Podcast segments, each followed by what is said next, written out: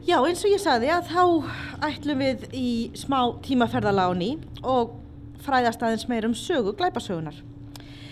En eftir þessar fyrstu tilraunir til glæpasagna skrifa á fyrsta, fyrir hluta 20. aldar þá var nokkur hlið á skrifum og það er svo ekki fyrir árið 1978 að Viktor Arnar Ingólfsson rýður á vaðið með sinni fyrstu spennusögu Dauða sög og þá hefst sem sagt framganga glæpasögunar á ný. Gunnar Gunnarsson, hann tekur við, skrifar sína sögur 1979, 1980 og 1983 og svo má nefna Ólaf Haug Símonarsson sem að er meðal þeirra sem á glæpa sögu frá nýjenda áratögnum og síðast en ekki síst að þá kemur fyrsta bók Birgitu H. Halldórsdóttur út árið 1983 og næstu 20 árin sendi hún frá sér bók á ári og hjælt þannig merkjum íslenska glæpasagna á lofti í óslitna tvo áratvíi. En það er sem sagt bók Gunnars Gunnarssonar, Marger og Spaugarinn sem er máli hér. Við erum stöðt á 8. áratögnum nánar tiltekið árið 1980. Sagan fjallar um rannsóknar lauruglumannin Marger sem leik aðalhlutverki í tveimur glæpasögum Gunnars og í þessari sögu reynir hann að grafast fyrir um örlög ellendrar konu sem finnst látin.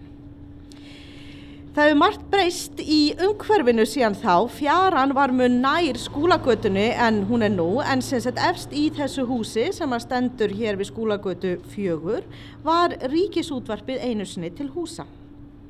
Og Saga Gunnars gerist einmitt á þeim tíma þegar útvarpið var í húsinu og hefst á lýsingum á óvenjulegri sömar blíðu á Íslandi það árið sem að sjálfsögðu snýst svo í andkverfu sína. Og við hittum hér fyrir útvarsþöl sem situr í efstu hæð á þessu húsi og býður eftir að vaktinni sinni ljúki. Og það er Gunnar sjálfur sem les.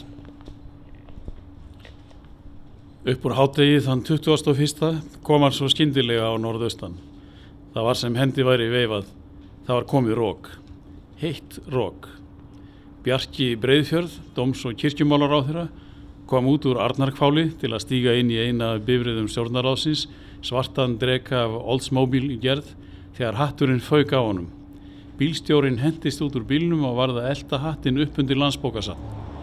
Vindkviðan er oft anskotaleg við horningangin í Arnarkvál. Í frettónum um miðjanda einsæði útvarpið frá því að hann væri farin að rigna á östur og suðausturlandi. Bændur tóku regninu næstum með fagnuði. Á suðurlandi var þrumuveður. Í Reykjavík og vesturlandi enn heiðskýrt. Sundlaugarnar voru enn krökkar af fólki en það hafi dreyið sér í stjól eða höfðu handklæðin fókið. Svo stinnur var vindurinn. Undir kvöldi læði en dró fyrir sólu. Veðustofan spáði úrhelli upp úr miðnætti. Aldan í kollafyrðinun var orðin eins og hann á að sér, hvít, fekst og ógnandi á stundum. Kvöldþulur útvarsins var að býða eftir að geta bóði góða nótt, þátturinn á hljóðbergi streymdi enn út í eterinn og þulurinn drakk svart kaffi úr plastmáli. Hann horfi út um gluggan í setustofu þula á sjöttu hæð fiskifélagshúsins og fyldist með dimmum regnskíjum sem komu niður esju hlýðar. Hann var veltaði fyrir sér að stríða veðurstofunni og útvasráði með því að bjóða góða nótt og hvetja reikvikinga um leið til að loka gluggum sínum áður neður leiðu sig vegna yfirvafandi steipiregs en hætti við. Hann rendi augunum niður í fjöruna af gömlum vana og þá sá hann það sem honum síndist vera mannslíkami á reki utan í hafnargarðinum. Þættinum á hljóðbergi var lokið. Endin á segulbandsspottanum barðist utan í tóman valsinn og eldi síðan sjálfan sig eitt andartak á meðan þullurinn hugsaði um það hvort hann ætti að bjóða hlustendum góða nótt eða ringja í laurugluna. Hann bauði góða nótt.